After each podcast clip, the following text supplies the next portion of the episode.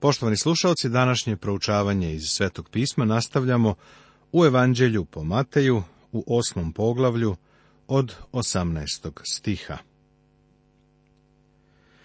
Svi mi kao ovce zađo smo, svaki od nas se okrenu svojim putem i gospod pusti na njeg bezakonje svih nas. Naša bezakonja su bila stavljena na njega Isaija očigledno upućuje na činjenicu da će se Hristos sukobiti sa velikim, fundamentalnim problemom greha. Boriti se zato da je isciljenje leži u izmirenju je potpuno bespredmetno. Znači, proslavljeno telo je sadržano u izmirenju, ali ja svoje još nemam. A ti svoje? Takođe, nova zemlja, sa koje je uklonjeno prokletstvo, sadrži se u Hristovom izmirenju ali je očito da ni to još uvek nemamo. Danas, kada greh i sotona drže vlast, nema oslobođenja od bolesti kao nečeg što bi bilo imperativ izmirenje. Zašto je apostol Pavle savjetovao Timoteja da uzima pomalo vina radi stomaka? Zašto ga nije podsticao da svoje isceljenje zadobiju Hristovim patnjama i izmirenju? Zašto Jakov nije savjetovao svetim ljudima da zahtevaju i polažu pravo na izmirenje kada je od njih tražio da pozovu starešine da se mole, kako je zapisano u poslanici Jakovljevoj u petom poglavlju. Zašto apostol Pavle nije zastupao isceljenje u patnjama Hristovim kada je spomenuo činjenicu da mu je dat trn u telo? Ali ne samo njegovim dolaskom, nego i utehom kojom se on utešio zbog vas, javljajući nam vašu čežnju, vaše jadikovanje, vašu revnost za mene, tako da sam se još više obradovao. A na neizmerna otkrivenja, da se ne bih poneo, dat mi je trn u telu, satanin anđeo da me čuška, da se ne ponosim. Za ovoga sam triput molio gospoda da odstupi od mene. I on je rekao, dosta ti je moja blagodat, jer sila nalazi svoje ispunjenje u slabosti. Stoga ću se najradije hvaliti svojim slabostima, da se Hristova sila nastani u meni.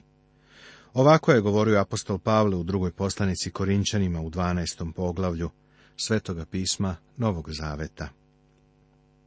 O ovom predmetu postoji još zabeleženih primjera.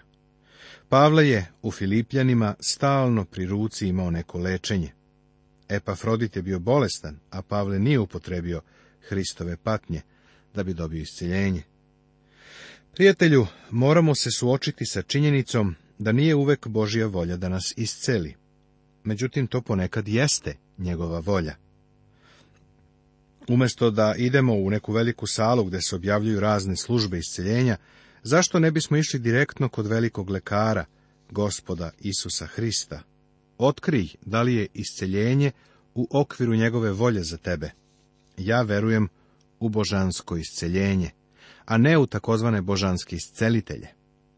Umjesto da idem nekom čoveku na zemlji, koji tvrdi da ima moć, ja više volim da svoj slučaj iznesem pred velikog lekara i da zajedno sa gubavcem kažem, ako hoćeš, možeš me očistiti. A zatim, bez obzira da li jesmo ili nismo isceljeni, njemu pripada sva slava i mi želimo da mu je damo. Apostol Pavle očigledno nije ništa znao o ovom modernom sektaštvu, i traženju isceljenja u patnjama i Hristovom izmirenju. Bog može danas da isceljuje i on to i čini, ali ne kroz takozvane iscelitelje. A kada Isus vide mnogi narod oko sebe, zapovedi da se otplovi na drugu stranu. Zapazi to mnoštvo ljudi oko njega. On je iscelio doslovno hiljade bolesnih ljudi, a ne samo ove pojedinačne slučajeve koji su zabeleženi. Jovan je ovu činjenicu potkrepio u svom evanđelju kada je napisao i mnoga druga čuda učini Isus pred učenicima koja nisu zapisana u ovoj knjizi. A ova su zapisana da vi verujete da je Isus Hristos, sin Božiji, i da verujući imate život u njegovo ime. Evanđelje po Jovanu 20. poglavlje 30. i 31. stih Svetoga pisma Novog Zaveta. Dvojica traže dozvolu da slede Isusa. Baš kad se Isus spremao da pređe na drugu stranu, jedan čovek mu je prišao. I pristupivši, jedan književnik reče mu, učitelju, ići ću za tobom kud god ti pođeš. Književnik ili pismoznanac je verovatno bio mlad čovek, jer stariji najverovatnije ne bi tako postupio. Književnik se nalazi u mnoštvu, boreći se sa odlukom da li da sledi Isusa ili ne. Nije znao šta da radi. A onda je video kako se Isus sprema da pređe na drugu stranu. Isus se sa učenicima kretao ka čamcu, pa je ovaj čovek morao brzo da se odluči. Tako je izašao iz mnoštva, očigledno je pao pred gospoda i rekao, ići ću za tobom, kud god ti pođeš. Književnik je doneo odluku. Gospod ga je pogledao i iskreno i otvoreno rekao.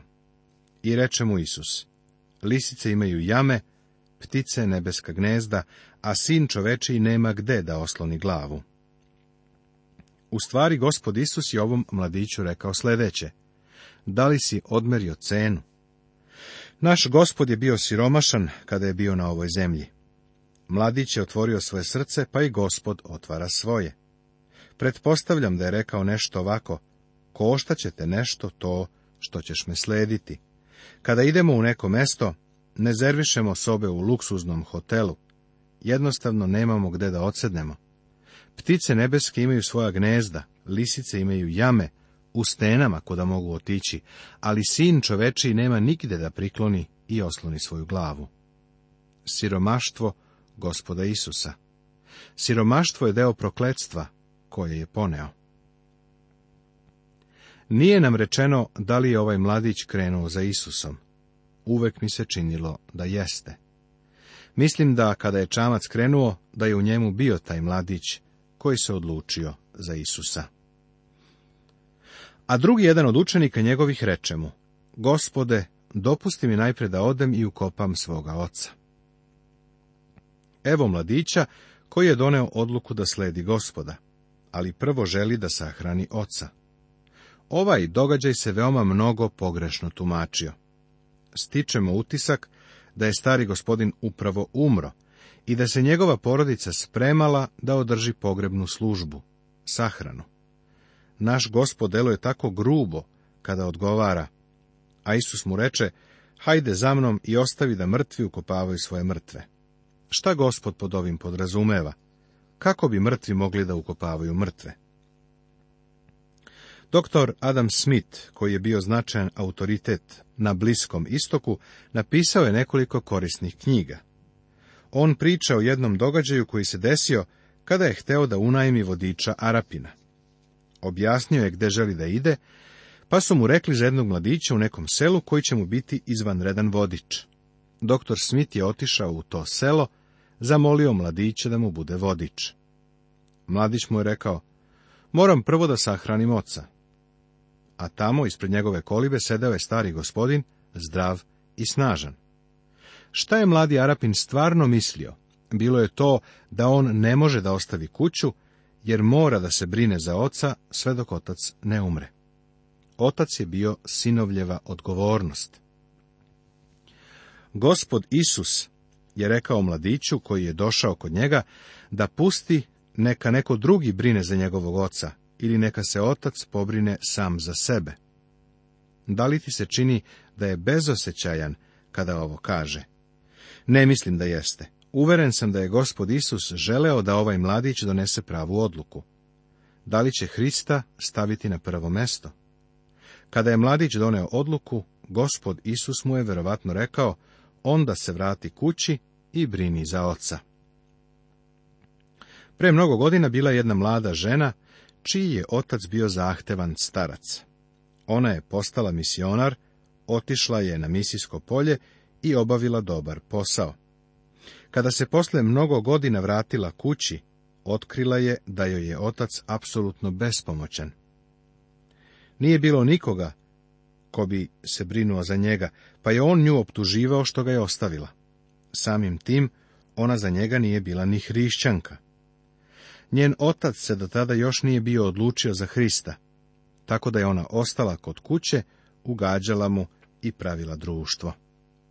Starca je ovo stvarno uzdrmalo, pa je u toku tog vremena odlučio da prihvati Hrista. Siguran sam da je gospod Isus vodio ovu ženu u svemu, ali na početku svega je bio jedan dan kada je ona morala da odluči da li će ići u misiju i staviti Hrista na prvo mesto. Verovatno je ovo bio i slučaj mladića, o kome nam evanđelista Matej ovdje govori. Isus umiruje buru na Galilejskom moru. I kada uđe u čamac, pođoše za njim učenici njegovi. Stigli smo i do petog čuda. Ono nije povezano sa isceljenjima tela, ali se odnosi na fizičko čudo u prirodi. Ovdje se ispoljava sila gospoda Isusa, a ja verujem da je i Adam imao istu moć, pre nego što je izgubio vlast. Sada u gospodu Isusu, posljednjem Adamu, vidimo ispoljavanje ove vlasti. I gle, velika bura nasta na moru, tako da su valovi prelivali čamac, a on je spavao. Ovo nije bila obična oluja. U izveštaju o Hristovom kušanju vidimo da ga je đavo napustio na kratko vreme, ali ne za dugo. Verujem da je ova bura u svojoj osnovi bila sotonska. Bio je to pokušaj Sotone da uništi gospoda. Zapazi da naš gospod spava. Ovo je jedan od najljudskih prizora koji Matej daje. Isus je bio tako umoran da je čak i u buri mogao da spava. Ovo nam otkriva još nešto. On je mogao da spava u buri, ja ne mogu. Ja sam pomalo nervozan u oluji, a i učenici su bili. I pristupivši, probudiše ga govoreći. Gospode, spasi nas, propadamo. Kako su malo vere imali. Obrati pažnju na to kako je on rešio situaciju. I reče im, što se bojite malo verni? Tada usta zapreti vetrovima i moru i nasta tišina velika. Ukorio je učenike zbog nedostatka vere, a zatim je ukorio vetrove i more. Reč koju Luka koristi za ukoriti ili pretiti jeste brnjica. Kontrolisao je talase kao što mi stavljamo brnjicu psu, a talasi su se jednostavno umirili. Iako je istina da su u to vreme ovi ljudi pokazali vrlo malo vere, došao je dan kada su oluje progonstva navalile preko lađe njihovog života. I ja ne mogu da pronađem zapis ni o jednom od njih da viče, zar ne mariš što ginemo? Umesto toga, u delima apostolskim u četvrtom poglavlju čitamo da su rekli i sad, gospode, pogledaj na njihove pretnje, pa daj svojim služiteljima da potpuno slobodno objavljuju tvoju reč. Ovo je za njih bilo važno. O, kako nam je u danu u kojem živimo potrebna takva hrabrost i uverenje. Zapazi duboki utisak koji je na njegove učenike ostavilo čudo umirivanja bure. A ljudi se začudiše govoreći, kakav je to čovek da ga i vetrovi i more slušaju. Onaj koji je dao moralne principe jeste onaj koji može da ispolji silu. Isus isteruje demone iz dvojice gadarinaca. Šesto čudo je izvanredno. Nećemo ići u detalje, ali ono se odnosi na isterivanje demona. A kada dođe na drugu stranu, u zemlju Gadarinsku, sretoše ga dva besomučna izlazeći iz grobova, opasna vrlo, tako da niko nije mogao proći ovim putem. Evo Isusa u Gadari, kako se danas zove to mesto. Ljudi koji ovdje žive su iz gadovog plemena. U starom zavetu, kada se zemlja delila među Izraelovim plemenima, gadovo pleme je ostalo na pogrešnoj strani reke Jordan. Šta se sa njima desilo? Pa, latili su se posla sa svinjama, što kao jevreji nisu smeli da čine. Kada si jednom neposlušan gospodu, onda sljedeći korak neposlušnosti nije tako težak. Neće proći dugo a ti ćeš odlutati sa njegovog puta i od njegove volje. Kada je Isus ušao u ovu zemlju, srela su ga dvojce ljudi opsednutih đavolima. Reč besomučni ili đavoli nije srećan prevod. Reč ispravna i doslovna ovde je demoni. Ovo su bili opasni ljudi opsednuti demonima. I gle, povikaše govoreći, šta imamo mi sa tobom, sine Božiji? jesi li došao ovamo da nas pre vremena mučiš? Ovo čudo otvara ogromnu oblast, o kojoj, nažalost, danas tako malo znamo. Teško nam je da razumemo važnost ovog čuda, zbog našeg nedovoljnog razumevanja i poznavanja demona. Lično verujem da čuda u koja su uključeni demoni jesu najveća čuda koje je Isus činio. A daleko od njih beše veliko krdo svinja na paši, a demoni ga moljahu govoreći, ako nas izgoniš, pošalji nas u krdo svinja. Iz nekog razloga demoni žele da uđu u fizičku stvarnost. Oni su obuzeti time da se materializuju. Čak su se zadovoljili time da se nastane u krdu svinja. I reče im, idite. A oni izišavši odoše u svinje. I gle, navali sve krdo sa strmeni u more i pogibe u vodi. Međutim, krdo svinja više voli da izgine nego da bude opsednuto demonima. Ljudi su nešto drugačiji. Danas su mnogi ljudi opsednuti demonima. Još u vreme Mojsija, Ilije i u doba gospoda Isusa bilo je pravih manifestacija nadprirodnih događanja. Danas nam se čini da se krećemo kao orbiti u kojoj vidimo da se sve više ispoljava ono što je demonsko. Oko nas je mnogo dokaza o tome. Mnoge primjere je teško precizirati, a pritom uvek postoji opasnost preterivanja. Verujem da je taj taj opsednut demonima. Treba da budemo pažljivi kada ovo činimo, jer je ovo nekada nalik na lov na veštice. Ipak, danas je mnogo demonima opsednutih ljudi. Kada sam studirao na fakultetu, jedno sam poželeo da kao predmet uzmem abnormalne psihološke pojave. Poznavao sam čoveka koji je radio sa takvim ljudima. Bio je lekar i hrišćanin i on mi je rekao da je vrlo siguran da su mnogi njegovi slučajevi pripadali oblasti nadprirodnih pojava, da su bili slučajevi opsednuća, demonima. Zanimljivo je zapaziti da demoni ne žele da budu zatvoreni i ograničeni. Oni znaju nešto o ograničenju nekih drugih demona, palih anđela, kako su ih nazvali u judinoj poslanici. Ovi demoni su hteli da se materializuju u našem svetu. A pastiri pobegoše, pa otišavši u grad javiše sve. I šta se dogodilo besomučnima? I gle, Sav grad izađe u susret Isusu i videvši ga, zamoliše ga da ode iz njihovih krajeva. Ovo je baš ironično, zar ne? Ovi ljudi su više volili da imaju svoje svinje nego Isusa. Veruj mi, ovo nije obeležje samo gadarinaca. Danas je tako mnogo ljudi koji više vole svoje svinje nego gospoda Isusa Hrista. Poglavlje deveto tema. Isus čini još šest čuda. Poziva Mateja, sukobljava se sa farisejima i nastavlja svoju službu u Galileji. U prethodnom poglavlju vidjeli smo šest čuda koja pokazuju da car ima silu, moć da sprovede moralne propise koje je objavio. Poglavlje koje je pred nama nastavlja istu ideju. Vidimo ga kako čini fizička čuda isceljenja, jedno koje ja svrstavam u nadprirodna, podizanje iz mrtvih i duhovno čudo isterivanja demona. Isus se vraća u Kafarnaum. I ušavši u čamac, pređe i dođe u svoj grad. Isus je napustio Gadarinsku zemlju, jer ga tamo nisu želeli, i vratio se u Kafarnaum. I gle, donesoše mu uzetoga koji je ležao na postelji.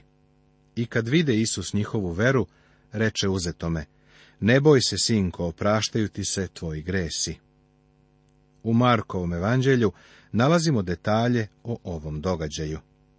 Marko nam govori o tome kako je ovaj čovek spušten kroz krov kuće, a gospod ga je i iscelio i oprostio mu grehe.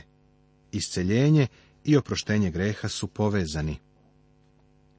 I gle, neki od književnika rekoše u sebi, ovaj huli na Boga. Pismoznanci, odnosno književnici, su smatrali da gospod neće moći da učini da ovaj čovek prohoda. Gospod im je, poznajući misli njihovog uma i zlo njihovog srca, postavio sljedeće pitanje. Šta je lakše reći, opraštaju ti se tvoji gresi ili reći, ustani i hodaj?